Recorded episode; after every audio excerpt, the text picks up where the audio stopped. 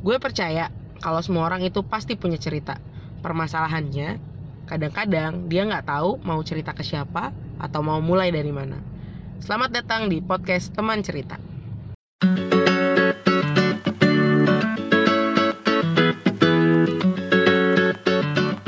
Halo, selamat pagi, siang, sore, malam, kapan pun lo lagi dengerin teman cerita. Semoga hari lo menyenangkan, semoga lo lagi dalam keadaan sehat, senang, eh, bahagia. Semoga hari lo dipenuhi dengan keberkahan. Amin. Oke, eh, hari ini, tepat hari ini, podcast teman cerita akhirnya satu tahun. Jadi untuk edisi kali ini spesial banget. Ini edisi setahun bercerita setelah gue selama satu tahun ini membagikan berbagai cerita gue baik itu secara tulisan di caption-caption Instagram gue atau atau di podcast uh, selama satu tahun ini. Nah, uh, podcast ini spesial karena gue ngajak uh, teman-teman untuk berbagi cerita ngajak beberapa teman-teman untuk mengirimkan cerita-ceritanya uh, ke gue tentang momen apa sih yang paling spesial di dalam hidupnya dia. Uh, momen apa yang nggak bisa dilupain di dalam hidupnya dia.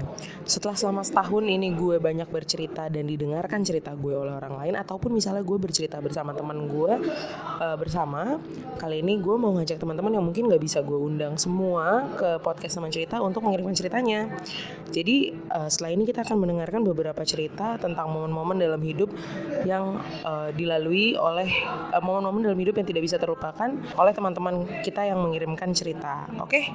jadi let's enjoy the show.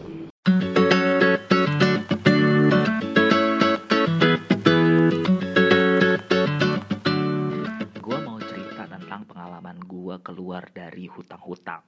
Jadi waktu itu tahun lalu gue pernah ada di kondisi kelilit utang kartu kredit karena kesalahan gue sendiri yang tidak pintar untuk mengelola keuangan. Kemudian gue coba mengunjungi salah satu financial advisor yang cukup terkenal di Instagram. Kemudian gue coba ikutin, terapin semua saran-saran dari advisor tersebut. Long story short, akhirnya gue berhasil selesain semua hutang-hutang gue.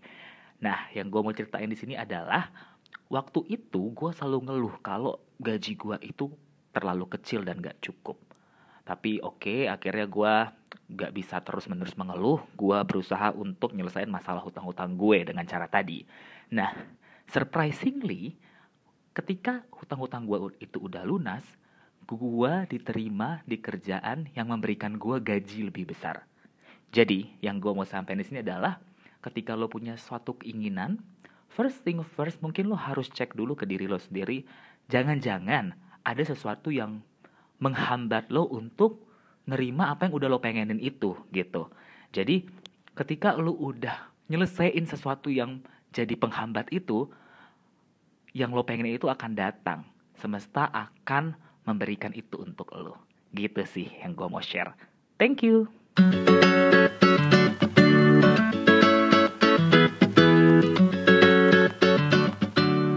Momen berkesan itu sekitar 2 tahun yang lalu kali ya, ketika buka pengumuman seleksi nasional masuk perguruan tinggi negeri atau SNMPTN. Alhamdulillah dapat lulus di salah satu perguruan tinggi negeri yang emang dari dulu diimpi-impikan dan di jurusan yang diimpikan pula. Tapi euforia itu nggak berlangsung lama. Orang tua tidak merestui dan memilihkan untuk kuliah di kedinasan aja. Aku percaya ridho Allah bergantung kepada ridho orang tua.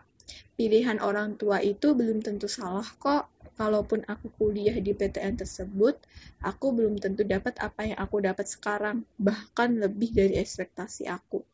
Jadi kuncinya sih ikhlas, jalani, dan prihatin. Awalnya berat-berat banget. Orang mana sih yang bisa ngelepas mimpi yang udah didapat untuk hal yang kamu sendiri belum yakin? Aku seperti ini bukan inisiatif aku sendiri. Aku seperti ini karena keadaan yang memaksa aku buat ubah perspektif tentang cita-cita dan usaha. Aku ubah fokus aku bahwa sukses bukan cuma satu jalur. Aku belajar banyak dari orang-orang yang secara baik Tuhan tunjukkan. Aku belajar perkara sukses masa depan bukan bergantung dari mana alma mater yang kamu kenakan. Terlalu naif kalau menggeneralisasi orang-orang sukses itu berasal dari kampus terbaik menjadi tanda kutip orang karena bentukan kampus. Oke, lingkungan berpengaruh, tetapi kembali ke diri masing-masing, bergantung dari diri kamu sendiri mau nerima atau enggak. Jadi, apa yang menurut kamu buruk itu belum tentu buruk menurut Tuhan.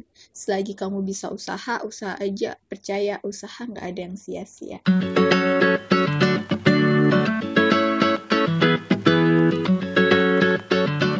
gue mau bercerita tentang salah satu momen berharga dalam hidup gue, yaitu ketika gue bisa jadi pribadi yang lebih baik karena gue bisa keluar dari zona aman dan zona nyamannya gue.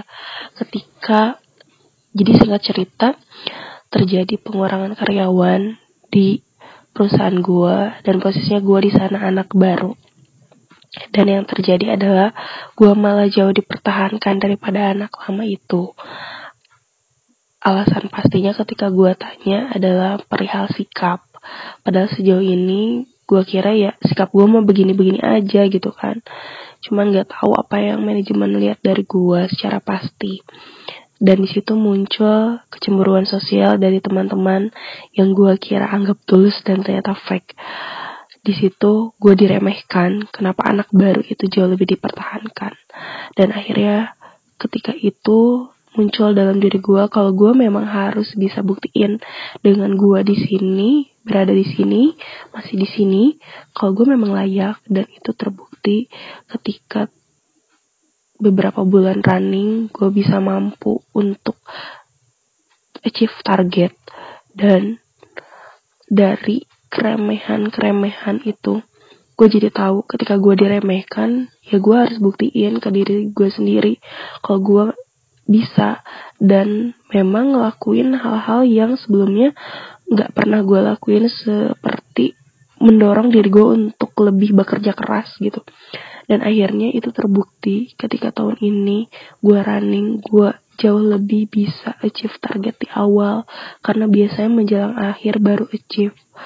Itulah momen berharga gue yaitu keluar dari zona aman dan zona nyamannya gue terima kasih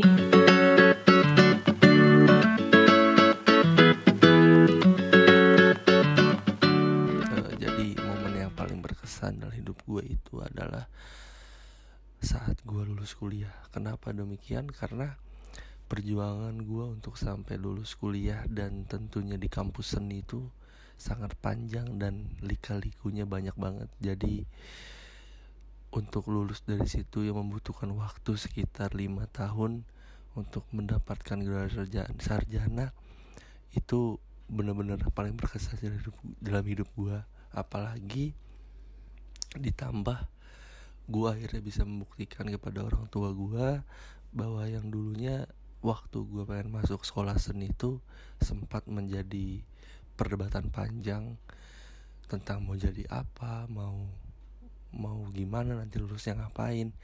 Tapi akhirnya gue bisa membuktikan ke orang tua gue meskipun telah setahun tapi akhirnya gue bisa menjadi sarjana pertama di keluarga gue buat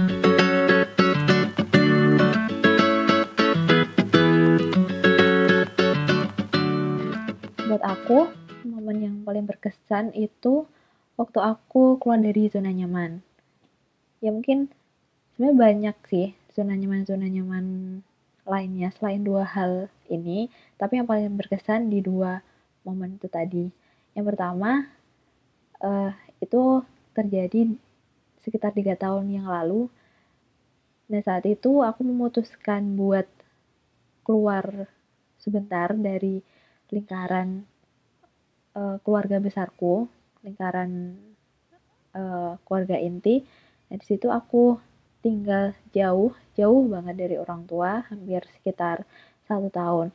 Nah, di situ aku banyak banget belajar tentang kemandirian, tentang kehidupan, uh, ya kayak adulting gitu. Padahal aku masih saat itu aku masih sekitar 24 25 gitu dan aku ketemu banyak orang baru e, gimana cara adaptasi biar bisa cope bisa masuk ke lingkungan teman-teman yang baru segala macam kemudian tahun ini aku juga melakukan apa ya keputusan cukup besar buat keluar dari zona nyaman lagi. Aku tahun ini memutuskan buat merantau di Jakarta untuk kerjaanku yang kedua.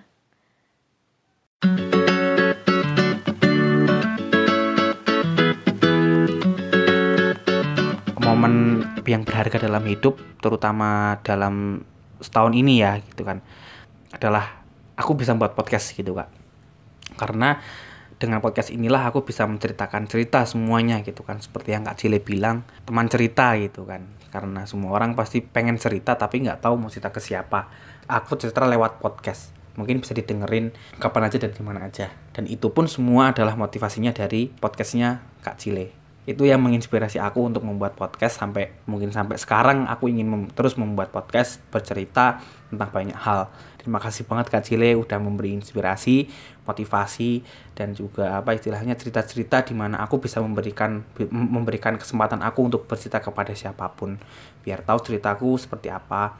Terima kasih banget udah ngasih aku kesempatan. Semoga Kak Cile terus sukses ya Kak ya ke depannya teman cerita bisa lebih menarik, bisa lebih luar biasa, lebih wow, lebih menginspirasi, dan lebih tidak pernah bosan-bosannya untuk selalu mem memberikan semangat dan juga motivasi ke aku sendiri dan juga ke teman-teman yang teman-teman Kak Cile dan juga pendengar Kak Cile yang senantiasa menunggu teman cerita untuk selalu ada setiap setiap episodenya gitu.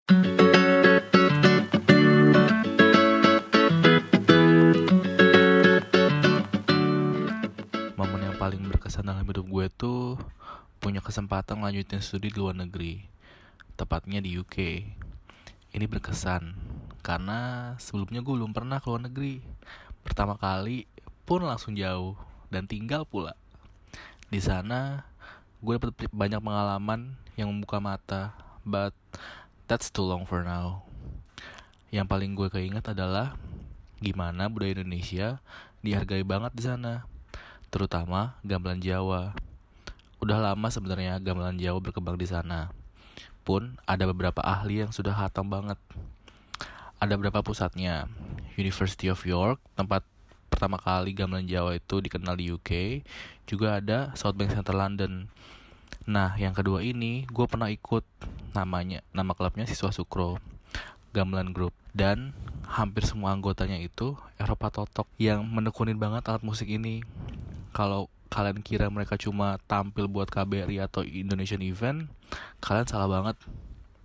Sebulan at least dua kali ada event di sekitar London dalam hal culture or music fest. Even ada sekolah-sekolah SMA yang kasih kurikulum gamelan ke murid-muridnya. Well, that's a bit from me.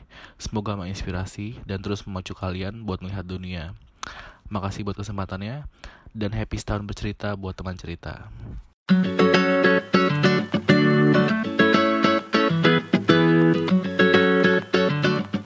Aku punya kesan yang sangat baik tentang bercerita dan mendengarkan cerita. Aku pernah mengalami sesuatu dalam hidup dan merasa sangat terselamatkan hanya dengan bercerita. Aku pernah merasa berharga dan merasa masih pantas untuk hidup di dunia hanya dengan bercerita. Karena itu, aku gak hanya mau diselamatkan, aku juga mau menyelamatkan, dan aku mulai untuk mendengarkan. Benar saja, aku pernah menyelamatkan orang lain hanya dengan mendengarkan cerita. Aku pernah berkali-kali dibuat bahagia dengan ucapan, makasih ya udah mendengarkan.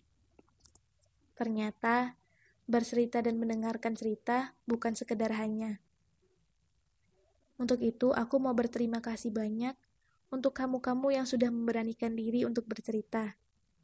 Terima kasih juga untuk kamu-kamu yang bersedia mendengarkan. Kamu yang masih ragu untuk bercerita, nggak apa-apa. Bercerita memang nggak selalu mudah. Yang penting kamu harus tahu bahwa ada kami yang selalu siap mendengarkan.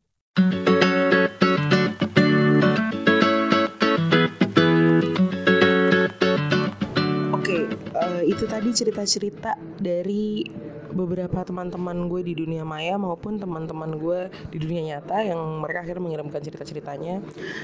Itu adalah momen-momen uh, terbaik momen-momen yang paling mereka nggak bisa lupa di dalam hidupnya. Mungkin nggak selamanya momen-momen itu adalah momen-momen yang menyenangkan.